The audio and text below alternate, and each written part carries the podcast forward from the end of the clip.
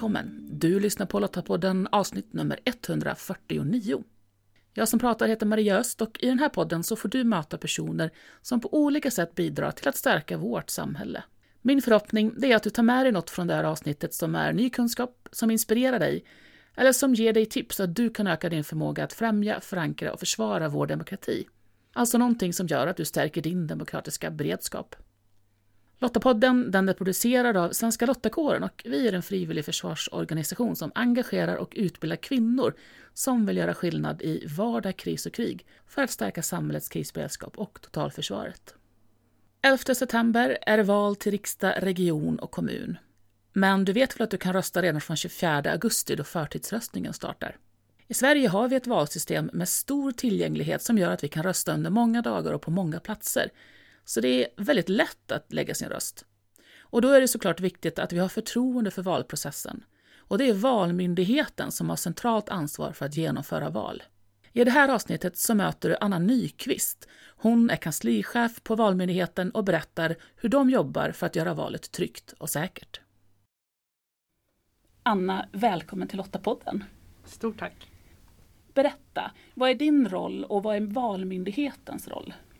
Om jag börjar med Valmyndighetens roll så är Valmyndigheten är central valmyndighet i Sverige. Vi är övergripande ansvariga för val i Sverige och valadministrationen är uppdelad i central, regional och lokala valmyndigheter. Och vi är centralt nationellt ansvariga. Och eh, jag är kanslichef på Valmyndigheten vilket är högsta operativt ansvariga chef. Och jag tänker val då. Det, nu har vi ju ett val i september i år, 2022. Men när du säger alla val, då tänker jag att då är det ju även Europaval, om det skulle vara extraval och folkomröstning kanske? Ja, du har koll. Valmyndigheten eh, är ansvarig för alla eh, nationella allmänna val som är val till riksdag, eh, regionfullmäktige och kommunfullmäktige som vi har samma dag och nu i höst. Och sen så har vi EU-val Eh, sen har vi sametingsval eh, som, som inte är ett allmänt val men ett val som vi också deltar i genomförandet av. Och nationella folkomröstningar som det var länge sedan vi hade men om det skulle bli en sån så genomför vi det. Eh, och vi ska ha beredskap för att genomföra både ett omval om man behöver göra om ett val och ett extraval inom tre månader från beslut. Alltid. Oj, så då, då är ni på, i hög beredskap hela tiden? Sen eh, 2015 när det första mm. gången var aktuellt med extraval i skarpt läge eh, på, i mm. modern tid eller i, ja, mm. eh, så är vi, har vi den beredskapen ständigt, mm. ja. För jag tänker det är mm. ganska mycket som behöver förberedas för att ett val ska kunna genomföras på ett säkert och tryggt sätt. Ja, för, I vårt uppdrag som central valmyndighet så ligger till exempel att producera allt valmaterial. Eh, så vi eh, eh, trycker valsedlar, vi eh, producerar eh, kuvert, eh, manualer, handledningar, röstlängder, röstkort, affischer till eh, vallokaler. Eh, det är helt enkelt väldigt mycket olika material och en del av det måste alltid vara producerat i förväg. Det kan man inte hinna med att göra på tre månader. Mm. Och den eh, nationella nivån då kontra regional och lokal, hur är liksom ansvarsfördelningen där? Om, om jag börjar underifrån från lokal nivå så kommunerna de har huvudsakligen ansvar för personal och lokaler. De rekryterar all personal som jobbar i röstningslokaler och vallokaler och alla lokaler och det är ett jättestort mm. uppdrag. Sen är det förstås väldigt mycket runt omkring det men, men lokaler och personal är deras grunduppdrag och den preliminära rösträkningen på valkvällen görs av kommunerna. Eh, sen kommer vi då till regional nivå, länsstyrelserna, så är huvuduppdraget slutlig rösträkning. Så i, i, Sverige har vi rösträkning i två steg obligatoriskt. Alla röster räknas först av kommunerna på valkvällen och sen av länsstyrelserna veckan efter valet. Slutlig rösträkning och det är deras huvuduppdrag. Mm. Sen har, är de också inne i en del andra frågor kring valsedelsbeställning och de eh, utbildar kommunerna, så länsstyrelserna okay. utbildar kommunerna. Och sen kommer man då tillbaka till oss som central nationell eh, valmyndighet och vi utbildar länsstyrelserna. Och vi producerar den utbildning som kommunerna ska använda för röstmottagarna. Mm. Eh, och eh, vi informerar väljarna om var, när och hur valet äger rum. Eh, det gör vi förstås i nära samverkan med kommunerna som har ansvaret för lokalen. Mm. Men vi som central valmyndighet vi har inget uppdrag att påverka valdeltagandet. Det är till och med uttalat att vi inte ska påverka valdeltagandet för att det är så viktigt att vi uppfattas som opolitiska och är opolitiska. Eh, och, men däremot ska ingen väljare låta bli att rösta för att den inte har fått korrekt information om var, när och hur valet äger rum. Och det är vårt uppdrag att nå ut till alla väljare. Just det. Och jag tycker ju själv att det där har blivit mycket enklare med tiden. Dels förtidsröstningen, eh, men bara det då att jag som bor i Västergötland kan vara uppe på resa i Stockholm och förtidsrösta på Stockholms central. Det är ju helt fantastiskt. Ja, det, det är det. Eh, vi, vi eh, försöker framhålla att vi har ett eh, valsystem i Sverige präglat av väldigt mycket tillgänglighet. Mm. Man kan rösta under många dagar, man kan rösta på många platser, man kan rösta precis som du säger utanför sin egen eh, hemkommun. Eh, och det kan du göra under lång tid. Mm. Eh, så att det, det, är enkelt att rösta och finns många olika mm. sätt. Du kan rösta med bud eh, om du behöver. Eh, om du på grund av ålder, eh, funktionsnedsättning eller sjukdom eh, behöver. Du kan också eh, få en ambulerande röstmottagare hem till dig på grund av samma skäl. Och du kan brevrösta från utlandet. Du kan rösta på ambassad och konsulat utomlands. Eh, det finns många mm. sätt att rösta helt enkelt. Och, och, min uppfattning är i alla fall i Sverige har vi en väldigt hö, ett, ett väldigt högt röstdeltagande. Och jag tänker att också då finns en stor tillit till att resultatet är schysst och riktigt. Men finns det hot även mot den svenska valprocessen? Ja, det finns det. Det stämmer ju att vi har ett internationellt sett eh, jämförelsevis nästan unikt högt valdeltagande. Och eh, vi hade senaste valet 2018 87,2 eh, nästan eh, procent i valdeltagande i riksdagsvalet och eh, de länder som är uppe på, på vår nivå eh, det, det, är inte så vanligt att man har till exempel böter för att, om man inte röstar då. Eh, att frivilligt ha så högt valdeltagande det är väldigt bra. Och tilliten till valsystemet är hög. Det vi ser Eh, det är ju att i andra länder eh, där, där det har varit, det startade med USA-valet 2016, eh, när valsystemet ifrågasätts egentligen. Och ännu mer, det fortsatte ju 2020 där. Och även i andra länders val med informationspåverkan, felaktig information om hur val fungerar. Det har förekommit även i Sverige men på en mycket mindre nivå. Mm. Eh, men däremot så kan det självklart förekomma. Det kan förekomma mer än vad det har gjort och vi behöver vara förberedda för eh, att det kan hända, vilket också vi är och vi har arbetat väldigt aktivt med att stärka det skyddet efter valet 2018 kan man säga. Kan du säga någonting om vad som har gjorts? Vi har haft sen, eh, ja, egentligen sen starten på början på 2020 ett ganska stort projekt igång finansierat av Myndigheten för samhällsskydd och beredskap eh, för att stärka skyddet för allmänna val. Och det har handlat om att utbilda länsstyrelser och kommuner att ta fram en metod för att analysera säkerheten i valet för att alla ansvariga aktörer ska göra sina egna analyser av säkerheten och vad det är som behöver skyddas och hur eh, det ska skyddas och göra lokala analyser också i det. Eh, och där har vi utbildat kommuner och länsstyrelser, tagit fram både utbildningsmaterial och stödmaterial. Vi har tagit fram digitala utbildningar eh, som går att använda för röstmottagare och också eh, utbildningar kring bemötande. Säkerhet och skydd går eh, lite hand i hand mm. med bemötande av väljare i röstnings och vallokaler. Så egentligen producera material, utbildningar och hålla utbildningar. Det är huvudsakligen vad vi har gjort. Mm. Och vi har också stärkt vår rådgivningsverksamhet med råd och stöd och kommer stödja eh, kommuner och länsstyrelser på ett mer aktivt sätt än vad vi har gjort tidigare. Och vi har skapat ett permanent nationellt valnätverk. Det är en annan sak vi har gjort. Eh, tillsammans med Polismyndigheten, mm. Säkerhetspolisen, Myndigheten för samhällsskydd och beredskap, Myndigheten för psykologiskt försvar och länsstyrelserna så har vi ett eh, nätverk i valfrågor där vi utbyter eh, information kring säkerhet och har också strukturer för att samverka under val. Eh, vilket är, eh, har avsevärt ökat vår förmåga att mm. skydda valet. Just det.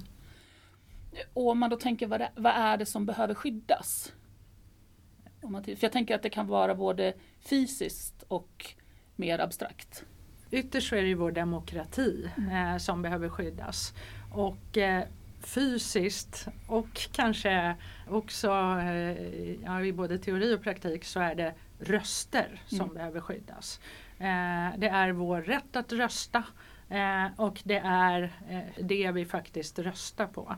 Så att rösterna är förstås någonting som på alla ställen mm. de är i processen behöver skyddas. Mm. Eh, men ytterst är det ju det är väldigt många delar i en valprocess. Mm. Ett val är en stor logistikapparat brukar jag säga.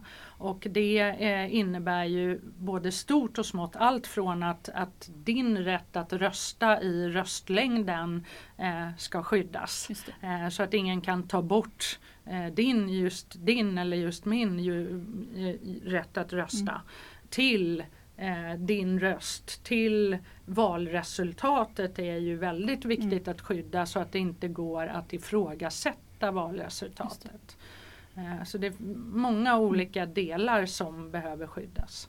Just det, och det är som du säger, det är väldigt många led däremellan. Alltifrån att jag ska, det hade jag inte tänkt på faktiskt, just det att jag ska faktiskt finnas med i röstlängden och när jag kommer dit att jag kan bli avprickad. Ja. Eh, men sen också när jag har lagt mina eh, mina röster, att de ligger i kuvert och att det är ingen som gör någonting med dem och de finns med hela vägen. Så, ja, ja.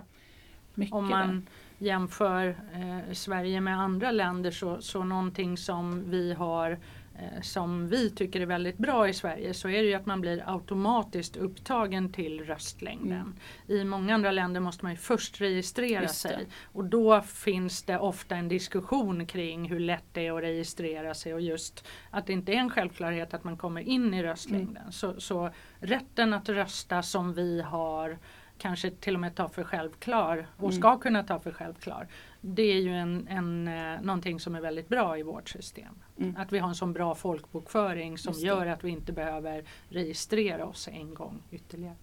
Eh, och jag har för mig också att det har skett en del eh, arbete kring hur till exempel valsedlarna presenteras och hur jag kan ta dem i vallokalen kontra till det här med påverkan också. tidigare upplevde jag i alla fall att det var väldigt öppet och om jag förstår det rätt så nu har man justerat det där lite så att jag även ska kunna ta valsedlarna i lite mer skymundan.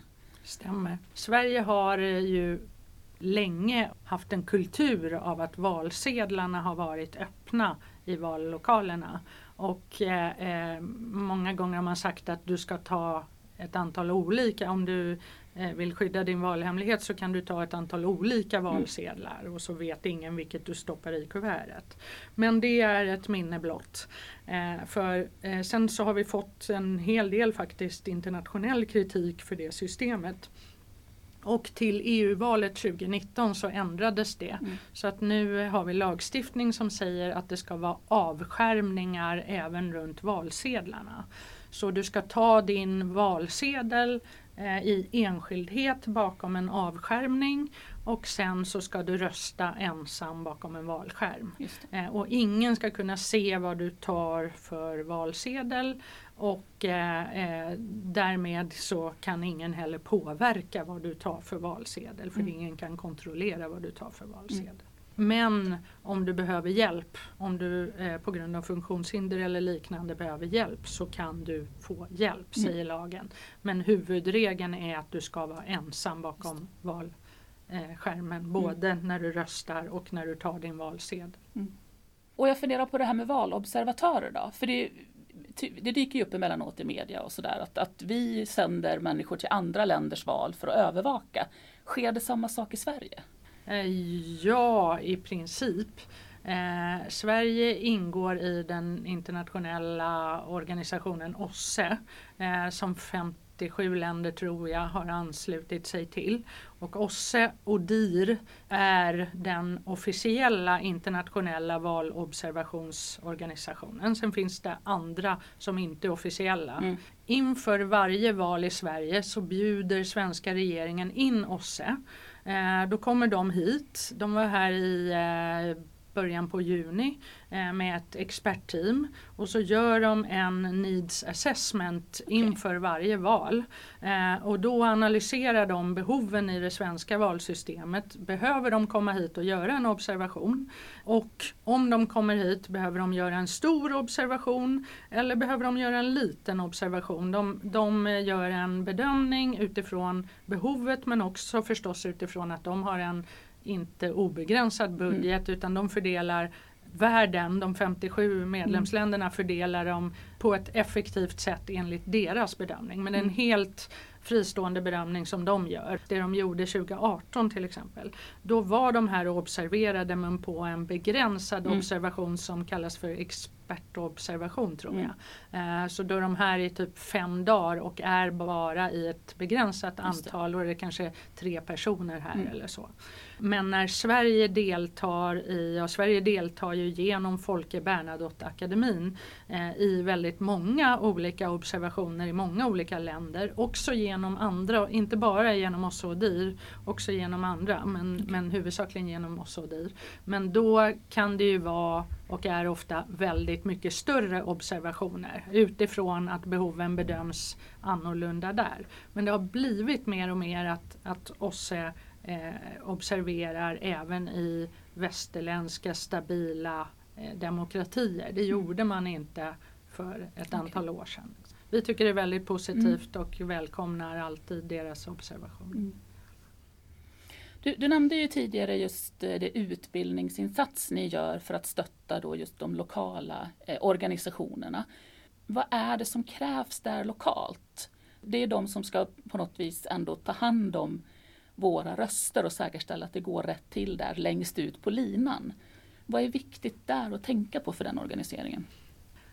Den innehåller allt mer för varje val tror jag att kommunerna upplever. Mm. Eh, att det läggs på, som på många andra områden, det läggs på nya delar i mm. uppdraget hela tiden. Även om grunduppdraget ser ungefär likadant ut. Men ett val är ju en, eh, som jag sa, en stor logistikapparat men det är också väldigt många människor som arbetar frivilligt mm. Eh, under ett val och valet och demokratin är helt beroende av att många människor ställer upp mm. och arbetar just frivilligt. och det är ju både då under förtidsröstningsperioden med över 2500 förtidsröstningslokaler över hela landet och på valdagen med, jag tror att det är 6240 eh, något sånt, eh, lokaler i år. Mm. Eh, och de ska bemannas med personal, med människor som eh, i många fall bara arbetar under en dag. Mm. Och Eh, under den dagen ska de kunna tillräckligt mycket om hur röstningsreglerna, hur röstning fungerar eh, för att kunna vägleda och hjälpa väljarna. De ska kunna eh, åtminstone delar av vallagen för att veta under vilka ramar de arbetar. De ska vara duktiga på bemötande för att ta emot mm. personal. De ska förstå säkerhetsutmaningar. Det är så många olika delar. De ska kunna det här, eh, vi pratade om avskärmningar och de ska kunna eh, både tala om hur det fungerar men också vägleda när någon inte vill göra precis eh, så som det ska fungera. I varje vallokal finns det en ordförande och en vice ordförande som kan lite extra, som får extra utbildning. Eh, men det är många som ska kunna tillräckligt och i, i många fall så är det två till två och en halv timmes utbildning någonstans. Eh, kanske lite mer men någonstans där som man kan begära att man ska också sitta av en utbildning mm. eh, för att arbeta en dag. Så kommunerna har en jätteutmaning och gör ett väldigt stort och viktigt jobb i att utbilda och se till, säkra att vi har rätt kompetens men också få tillräckligt många som mm. arbetar. För att det är verkligen en viktig roll i demokratin och mm. behöver hela tiden fyllas på med nya mm. människor. Och i år så har ju Valmyndigheten vänt sig till MSB för att just fundera, finns det en möjlighet att använda oss frivilliga i valarbetet på något sätt? Hur, hur gick tankarna där? Vi har gjort det i år men det är inte inför årets val utan det är ett långsiktigt arbete inför som eh, i, i, så fall kommer vara klart till EU-valet 2024. Men det stämmer helt att vi har ställt frågan i år och det är ju inom vårt projekt eh, som, där vi arbetar med att stärka skyddet mot val överhuvudtaget generellt. Eh, så har vi en del som handlar om hur kan vi samarbeta med frivilligorganisationer för att just Ja, ja, vi vet inte riktigt var vi kommer landa, hur vi kan, men hur kan vi dra nytta av mm. frivilliga organisationer och den den stora erfarenhet och organisering ni har mm. av just frivilligarbete eftersom just val är ett stort frivilligarbete. Mm. Kan vi samverka på något sätt? Kan frivilligorganisationer delta i arbetet för att eh, rekrytera röstmottagare eller sprida kunskap? Mm. Eller kan frivilligorganisationer bidra i arbetet om någonting händer? Vilka, mm. vilka mm. ställen kan vi hitta där vi kan eh, eh dra nytta av varandra? Eh, så det är en kartläggning som vi gör just nu där vi förhoppningsvis kan komma fram till något bra eh, och ta det med oss in i valet 2024. Eh, jättespännande verkligen. Och jag tänker just utifrån också demokratibiten, att, att det är ju där någonstans som vi organisationer i, i grund och botten verkar utifrån, att det är det vill vara, vi vill vara med och försvara. Så att, ja. Jättespännande att hitta mm. nya vägar att, att kunna hjälpa till. Ja. Men om vi avrundar lite, vad, alltså jag som enskild individ då? Hur kan jag hjälpa till och stötta att just valet ska bli ett tryggt och säkert val med hög tillit till resultatet? Du kan bidra genom att för det första vara källkritisk. Om det sprids rykten om valet eller om någon säger att det är långa köer ta det inte för givet utan eh, kontrollera om det mm. är det. Eh, är det någon information som verkar konstig, gå till val.se, Valmyndighetens webbplats val.se är navet i valkommunikationen. Där finns det alltid korrekt och uppdaterad information. Eh, där kan man också, om man är intresserad av hur valet går till, ett val består ju av väldigt många olika detaljer och är det någonting man funderar på så kan man hitta det allra mesta där. Tusen tack Anna att vi fick reda ut lite hur valet går till och, just eh, eh, vi brukar säga det, men har vi kunskap så är det också lättare att förstå hur mekanismerna hänger ihop och hur processen går till. Tack! Att rösta i val tror jag är den demokratiska handling som de flesta först tänker på när vi pratar demokrati. Även jag. Att lägga sin röst det är en rättighet som jag tycker är oerhört viktigt att vi nyttjar. Vi har alla ett ansvar för vår demokrati och då ingår att ta ansvar för utvecklingen av vårt samhälle. Gör lite research och lägg din röst på det parti som du tycker har bäst plan för hur samhället ska utvecklas. Men kom också ihåg att ditt demokratiska ansvar inte enbart handlar om att rösta. Det gäller att göra demokratiska handlingar varje dag. Lästips relaterat till det vi samtalat om i det här avsnittet det hittar du på lottapodden.se. Och om du, precis som Svenska Lottakåren, tycker att fred, demokrati och mänskliga rättigheter är värda att försvara och du vill vara med och göra skillnad för vårt samhälles krisberedskap och totalförsvar, ja men då ska du gå till svenskalottakåren.se. Där hittar du information om hur just du kan göra skillnad. Nästa avsnitt av Lottapodden kan du lyssna på 1 september. Så om du inte redan gör det, prenumerera på Lottapodden så får du nästa avsnitt automatiskt i din poddapp så fort det släpps. Du hittar podden bland annat i Apple Podcast, Podbean eller på Spotify. Och om du gillar Lottapodden, berätta gärna för andra om den och lämna gärna en recension på Apple Podcast så hjälper du fler att hitta till podden.